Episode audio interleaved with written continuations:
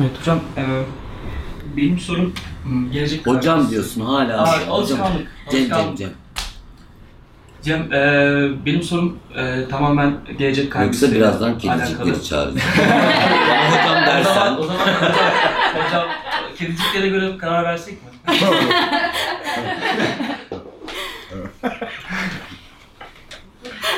Akıl direğiyle çalışıyor. Mehmet kendine malzeme çıkartıyor kamera arkası için. O sesi olan bendim diye Maşallah arkadaşlarım maşallah. Oradaydım o ses benim diyeceğim. Ee, şimdi özellikle son e, toplumsal olarak etrafımdaki e, benim yaşıtım veya e, bir üst e, jenerasyon diyelim. Hepimiz aynı kaygının içerisindeyiz. E, gelecek kaygımız çok fazla. Gelecek kaygımız yokmuş gibi davranamayız. Evet, bu çok absürtçe bir şey olur. Ama bununla nasıl mücadele edeceğimiz hakkında bir yol haritasına veya bir deneyime veya bir şeye ihtiyacımız, fikre ihtiyacımız var o anlamda. Şimdi demin de söylediğim gibi yani şu anki halimizde gelecek kaygısı olmama olasılığı biraz güç görünüyor ama e, gelecek kaygılarımıza da şöyle bakmamız lazım. Mesela diyelim ki benim gelecek kaygım şöyle. Bilmem ne konaklarında bir evim olmaz diye kaygılanıyorum diyorsam ben yani burada bir saçmalık vardır yani. Kaygılarımızın da bizim destanımıza giden yola biraz uyması lazım. Benim şapşal şapşal şeylerle gelecek kaygısı olmaz. Mesela bu Maslow'un ihtiyaçlar hiyerarşisinde hani işte en aşağılarda kişinin barınma meselesi vardır ya. Barınma meselesini geçerse şuna geçer, ondan geçerse bilmem ne geçer, kendini gerçekleştirdiği o self realizasyon en tepededir. Şimdi bizde self realizasyona gidemiyor ki adam. Çünkü adamın barınma meselesi dediği şey bilmem ne dairesinde oturmak falan değil bilmem ne konaklarında e, çocuklarını da 3 tane jiple özel okula göndereceği bir barınmayı bekleyen adam bu hiyerarşinin burasına çıkamaz abi. Buralarda oynasın o da. Kaygılarımızın da saçmalamayalım yani. Bu, bu, bu barınma değil artık. Bu, bu başka bir şey. Bunun dışında gelecek kaygısıyla ilgili somut ortada, ortamda bir kaygı varsa o kaygıya dönüp bakmak lazım bu kaygının bir gerçekten otantik olup olmadığı hep bunu söylüyorum. Gerçek bir kaygı mı benim bireysel talimden mi kaynaklanıyor? Öyle aptal aptal kaygılarımız vardır ki o bizim kendimizle ilgilidir. Ama ortamda bir savaş var. Savaşın içindeyiz. Bununla ilgili kaygılanmak sağlıklıdır. Bireysel talimizden getirdiğimiz bir kaygıyı şimdiye sürdürüyorsak onun üzerine çalışmamız ve halletmemiz lazım. Bu dışında otantik kaygılar için yapılacak şey e, kendimizi dar tutmamak. Eğer yaşamda mesela bildiğim kadarıyla ben çok bilmiyorum ama böyle kocaman bir kruz gemisi, kocaman bir tekne diye düşünelim böyle 50 metre, 100 metre, 500 metre neyse. Ben sanmıyorum ki onları limanda bir tek halatla bağlasınlar. Değil mi? Küçücük bir şeyse bir halatla bağlayalım. Değil mi? Demir atacak, bilmem ne yapacak. Bir sürü halatla bağlı. Hayata da geniş spektrumlu bağlanmak lazım. Yani aklın fikrin sadece alacağın evdeyse, yazarsın sadece kitap yazmaksa. Bana diyorlar ki mesela bundan sonra kitap yazmazsanız ne olur? Yazamayabilirim. Resim yapmazsanız yapamayabilirim. Yani hayatımın yelpazesini geniş tutacağım. Bir tek şeye bağlanmayacağım. Bu birliğe karışmaya çalışacaksın. O zaman kaygın azalır. Ben mesela en kötü ekonomik şeylerle ilgili şöyle şeyler söyleyebilirim. Mesela çok sık söylediğim bir laf, limon satarım. Güzel satarım. Gerçekten çok iyi limon satarım. İyisini bulurum, parlatırım, kokuturum, satarım. Bir şey olmaz yani. Bir şekilde yaşayabileceğime dair bir kudret hissediyorum kendimde. Mesela arkadaşlarımın eğer böyle ekonomik sorunları olduğunda çok sık söylediğim ya bir şey olmaz en sonunda bana taşınırsın. Ee, burada bir tane kuru fasulye pilav pişiririz. Her gece onu yeriz. Peki o kadar basit mi? Ya da pardon basit O yanlış kadar basit değil ama bir şeyleri de abartmamamız, bir şeyleri de putlaştırmamamız lazım. Bilmem ne ayakkabısı giymiyorum diye kaygı duyuyorsan bilmem ne marka o senin kaygını yiyeyim ben öyle kaygı derim. Yani böyle, böyle aidiyetler kendini var eden bir takım değerlere az değere ama bir takım değerlere bağladıysa çöpe çöpe dönersin. Yazamazsam mesela yazmasam çıldıracaktım diye bir yazısı vardır Sait Faik'in çok da güzel bir yazıdır. Onu da böyle kötü anlıyor ama ben o yazıyı şöyle yazmıştım. Çıldırmasam yazacaktım. Orada zaten yazmasam çıldıracaktım derken Sait Faik narsistik bir şekilde bir şey söylemiyor. Onun çok hoş bir şey anlatıyor ama yazmazsam da ölmem. Resim yapmazsam da ölmem. Mesleğimi yapmazsam da ölmem. YouTube'da bunu böyle bir şey çekmezsem de ölmem. Öleceksem de öleceğim zaten gibi geniş yelpazeli ve oylumlu bir şekilde hayatı elde tutmamız lazım. Peki e, Ben spektrumu geniş tutacağız yani. Bir şeyleri putlaştırıp mesela öyle insanlar var ki benim artık zamanım geçti çocuğum olmayacak diye kadın kafayı yiyor. Zaten doğa ona doğa çok zor çocuk veriyor öylelerine. Abartma. Şişirme. Putlaştırma. Benim bir lafım vardır.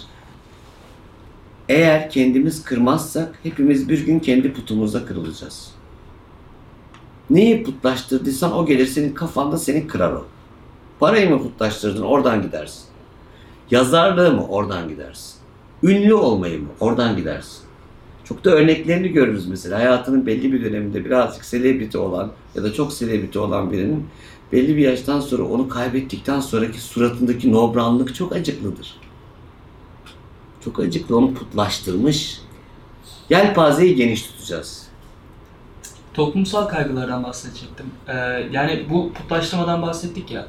E, bunu toplumsal şu anda yaşadığımız e, düzende e, çok mesela fazla bizim toplumsal olarak da mesela ırksal meselemizde, milliyetimizde mesela Türklüğümüzle ilişkimizde de bir şişirme var mesela. Çok kırılgan gibi yani. Niye bu kadar kırılgan ki? Ayrıca bir insan kendisini sadece milliyetiyle ve ırkıyla tarif ediyorsa orada da büyük bir darlık vardır. Yani hatta tırnak içinde imanlı insanlar bunu çok sık yaptıklarında çok şaşırıyorum çünkü imana da aykırıdır. Birlikten koparır çünkü. Tamam bir milliyetin var kabul et. Tırnak içinde ondan gurur duyabilirsin. Geçmişine sahip çıkabilirsin ama geçmişine sahip çıkarken şöyle çıkmayacaksın. Sadece zaferlerine sahip çıkmayacaksın. Saçmalıklarına da sahip çıkacaksın. Özür dilemeyi de bileceksin. Ya Bizim milliyetimizle ilişkimizde de böyle bir putlaştırma var. Toprağımızla ilişkimizde de mesela çok sık duyarsınız. Türkiye bir vatan, cennet. Ya güzel de yani Türkiye sanıldığı gibi bu kadar iyi doğası olan tek ülke değil gerçekten söyleyeyim size yani.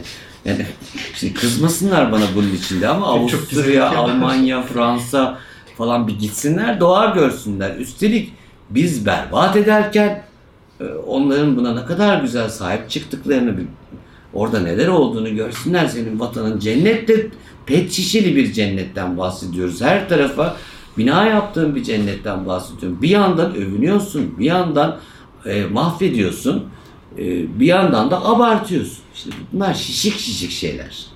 Hani istersen psikiyatrik olarak e, sana sorumlu olduğunu söyleyeyim, psikolojik olarak narsistik saçmalıklar diyeyim. İstersen mistik açıdan söyleyeyim, günah. Kendini böyle görmek, kendi mensup olduğu yapılıyı böyle şişkin bir şekilde ifade etmek ve diğerlerini de öteki diye tarif eden ve herkesi de düşmanlaştıran yapı mistik olarak söylersem günah derim ona ben. Günah dediğiniz şeyler insana iyi gelmeyen şeylerdir. Ben hep söylüyorum mesela yani işte ensest niye günah? Niye günah ensest? Her günahın altında anlamlı bir realite vardır. Çünkü ensest gen havuzunu daraltır.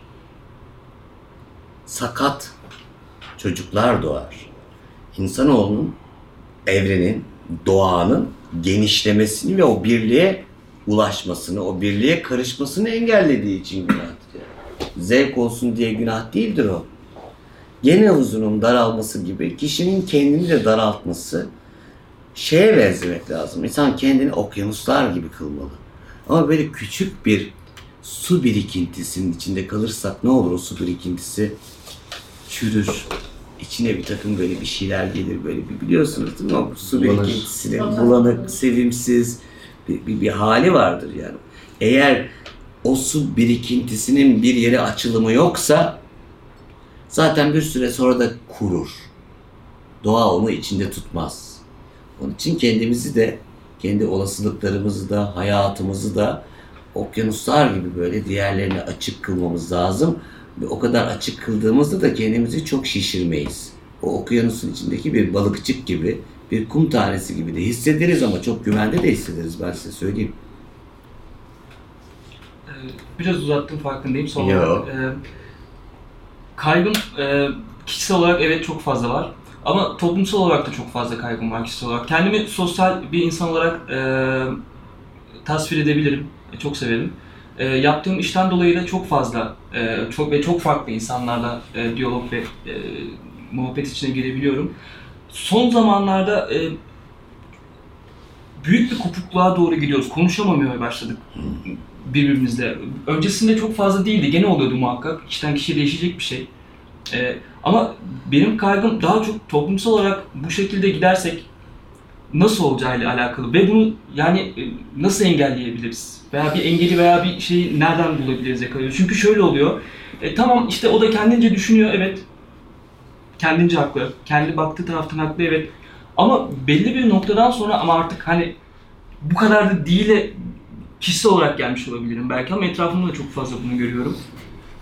Kaygım daha fazla bu aslında. Seni anlıyorum yani bu hepimizin hissettiği bir bölünmeden bahsediyorsun. Ee, şimdi bir konulara haklılık haksızlık diye baktığımızda çözemiyoruz. Ee, çünkü inanışlarımızın çoğunda e, rasyonel yok. Ee, haklılık haksızlık da her zaman işe yaramıyor. Ama birbirimizle diyalog içinde kalmaya devam etmemiz lazım. Ama şu anda sorun şu ki diyalog bile kuramaz hale geldik. Bireysel olarak ne yapabiliriz? İşte o meşhur laf var ya herkes kendi evinin önündeki çöpü temizleyecek. Belki yakınlarımıza, karşılaştıklarımıza e, kurduğumuz ilişki çok mühim. E, çünkü bir takım işaretler de kuşanmaya başladık. Yani o öyle giyiniyorsa öyledir, bu böyle giyiniyorsa böyledir gibi bunlar çok çok tehlikeli şeyler. Ötekileştirme de çok tehlikeli şeyler. Şu mahallede oturanlar böyledir, bu mahallede oturanlar böyledir gibi. Bunlar büyük bölünmeler ama bunları bizim oturmadan, konuşmadan, duygusal süreçlerini anlamadan, e, dahası daha yukarıdan bir şekilde hep birlikte çözüm üretecek şey olsak hani ben ülkenin bilmem neresinde belli bir kudreti olan insanlar olsak belki orası için çalışacağız ama bunlar böyle gerçekten şu anda yapabileceğimiz şey sanat. Yazmak, sinema, resim. Yani bireysellikten e, toplumsallığa dönüşten bahsediyoruz baktığımız zaman. Önce bireysel olarak mı bir atmamız lazım? Yapabileceğimiz tek şey bu. Böyle ifade etmeye çalışacağız. Şundan başlıyorum. Twitter'daki birine hemen hort diye saldırmamak, onu anlamaya çalışmak. Ee, sana ben bazen mesela çok acayip bir hakaret olmadığı müddetçe, küfür bilmem ne olmadığı müddetçe işte soruyorum niye böyle hissettin, ne zannediyorsun? Mesela beni öyle zannediyor. O kadar acayip ki mesela beni ben ilk e, Akçaabat doğumluyum bak. Trabzon Akçaabat ilçesinin o zamanki adı Üstürkiye olan, şimdiki adı Darıca olan bir köyünde doğdum. Doğduğum evde elektrik yok, su yok. Bayağı hani Türk filmlerinde e, bezmez kaynatılıyor ya öyle bir köy ebesinin evinde doğuyorum ben. Bir tane daha Erzurum'da ilkokul bitirmişim. Samsun'da lise falan bitirmişim. Ama bana baktığımda herifin gördüğü şey bunlarla alakası yok. Beni başka bir şey zannediyor. Ve bunun üzerinden bana saldırıyor. O başka bir şey dediği şeye de saldırma hakkı yok bu arada. O da onun varlığı, o kültürü bilmem ne. Ama biz birbirimizin kendimize benzemeyen şeylerini hem öfkelenme hem aşağılama ya doğru gittiğimiz bir dili öğrendik. Ve bu dil çok yayıldı. Haklısın tehlikeli, haklısın korkutucu. Vallahi işte kendi alanımızdan başlayarak belki işte şu YouTube'da söylediğimiz bir kişinin hayrına vesile olacaksa, o üç kişiye söyleyecekse falandan filandan gidiyoruz. Kitap yazacağız, roman yazacağız, film çekeceğiz, bilimsel araştırmalar yapacağız. Bunları tarafsızca yapacağız. Bunları tırnak içinde onlar ve biz diyen bakış açısıyla yapmayacağız. Kimseye onlar demeyeceğiz. Ay ama onlar da bizim e, vatandaşlarımız diye bir, bir, bir laf var mesela. Bunu onlar da diye başlıyorsun. Yani onlar da diye başladıktan sonra bizim vatandaşımız dediğin an zaten onlar demiş oluyorsun. Halbuki beraberiz. Yani bir de bu, bu, bu ülkenin topraklarında bu bu hani böyle sürekli söylenen işte ne deniyor? Ee, bu Türkiye'nin renkli e, Mozaik. mozaik. İşte bu, bu, bu nasıl bir mozaiksa yani paramparça bir mozaik. Bunu iyi bir halde kullandığımız söylenemez. Yani mesela yemek kültürünün çok iyi geliştiği ülkelere bakıyorsun. Bizde de öyle. Niye çok iyi yemek kültürümüz bizim? Arap var, Kürt var, Süryani var, Ermeni var, Laz mutfağı var, Kürt mutfağı var, Rum var. Rum mutfağı var, Ermenilerin mutfağı var. Çok hoş bir şey bu. Şimdi bunların yarattığı kültürel değerlilik, bak ensesten uzaklaşıyoruz şu an işte. Bir araya geldiğimizde. Ama şu anda ensestiyöz davranıyoruz. Bu e, Bizden olan. Hatta ben ensestiyöz duruşta narsizmayı böyle çok yan yana giderim ki ensest, ensest yapı narsizmin doğadaki karşılığı gibidir dedim. Narsistik bir şey bu yani. Narsistik denilen şey kendini sevdiği zannedilen kişi değildir. Narsistik denilen şey çok kırılgan bir kendilik değeri olan bir şeydir. İyi bir narsistik ile karşılaştığınızda çok rahat kırılganlık gösterir. Çok rahat öfkelenebilir. Çok rahat sana saldırabilir. Çok rahat intihar da edebilir. Narsistlerin çok kırılgan olduğunu, güçlü görünürler. Biz bir de bu kadar narsistik şeyleri niye çok seviyoruz? Bunun üzerine çalışmamız lazım. Biz niye yani e, yönetici, teknik adam, e, hödö, hödö bilmem ne seçtiğimizde bu tür kişileri çok önemsiyor, çok seviyoruz, onlara tapınıyoruz.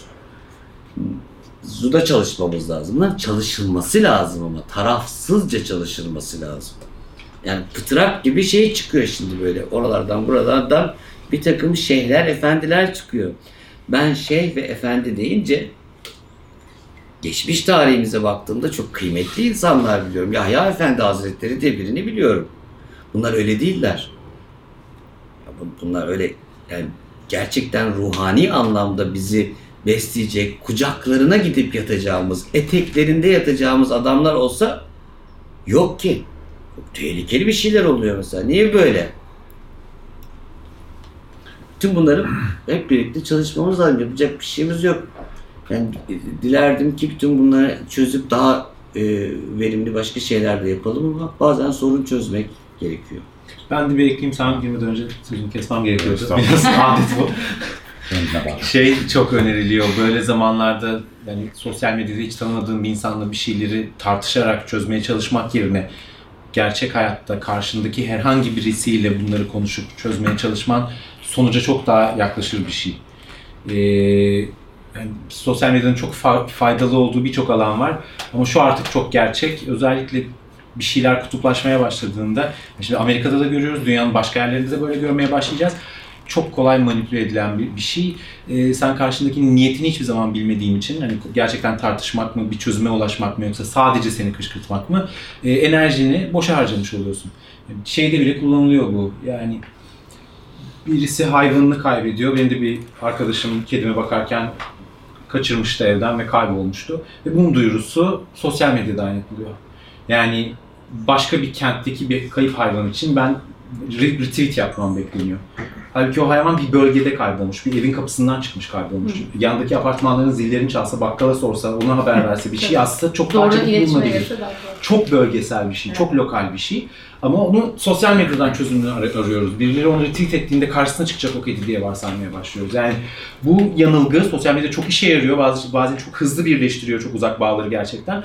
Ama etrafımızda olan şeyleri artık gittikçe kendimizi kapatıp bütün çözümleri bu telefon ekranından aramaya başladığımızda daha çaresiz hissediyoruz bence. O kaygıyı azaltan bir şey işte şu diyaloglar.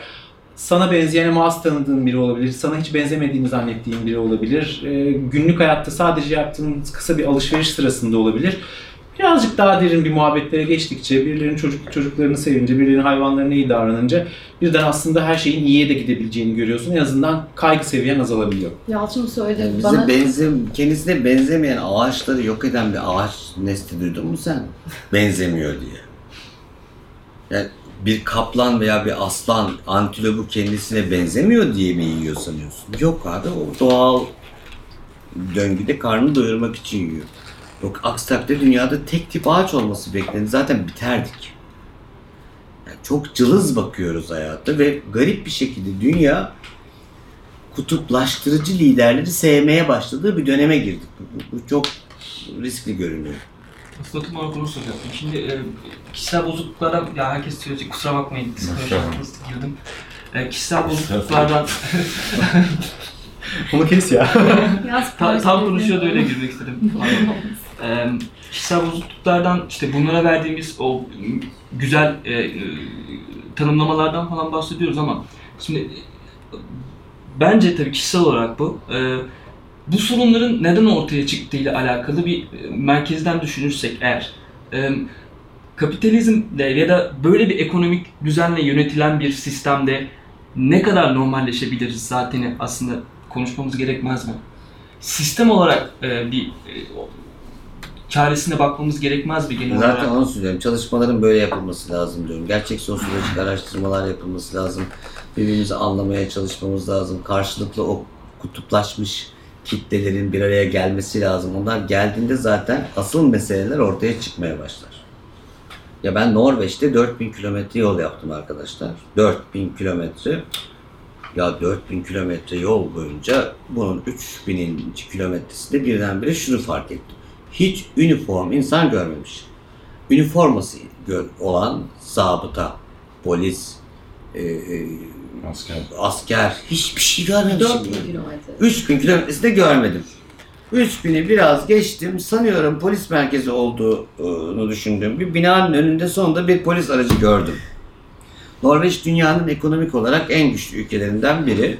Bahsettiğim araba e, tosbağa bir Volkswagen'di. Siyah beyaza boyanmıştı bütün polis arabaları gibi. Çok şirindi. Tatlılıktan ölüyordu. Sonra e, hafifçe yavaşlamıştım zaten Norveç'te e, hız sınırı 70 maksimum. Yani 90'ı bulduğun yer çok az. İhlal edildiğini görmedim. Kimse orada yaptığı hızla kendisini daha erkek falan hissettiğini de görmedim. Ama herkes çok da erkek ve kadın yani öyle bir sorun yoktu. Ondan sonra yavaş gidiyordum. Bir baktım arabanın içinde bir şey var. E, şoför mahalli mi denir o yan tarafa? Şoför mahalli şoförün oturduğu yer. Şoförün oturduğu. Ha, şoför mahalli. Yolcu koltuğu. Yolcu koltuğu evet. Aslında şoför mahalli evet şoförün mahalli burası doğru. Yolcu koltuğu tarafında iri bir şey gördüm. İyice yavaşladım. Keşke dursaydım. Ee, da çekseydim fotoğrafını. Abi kafası tavana kadar değen bir oyuncak ayı vardı yani. Polis arabasının içinde.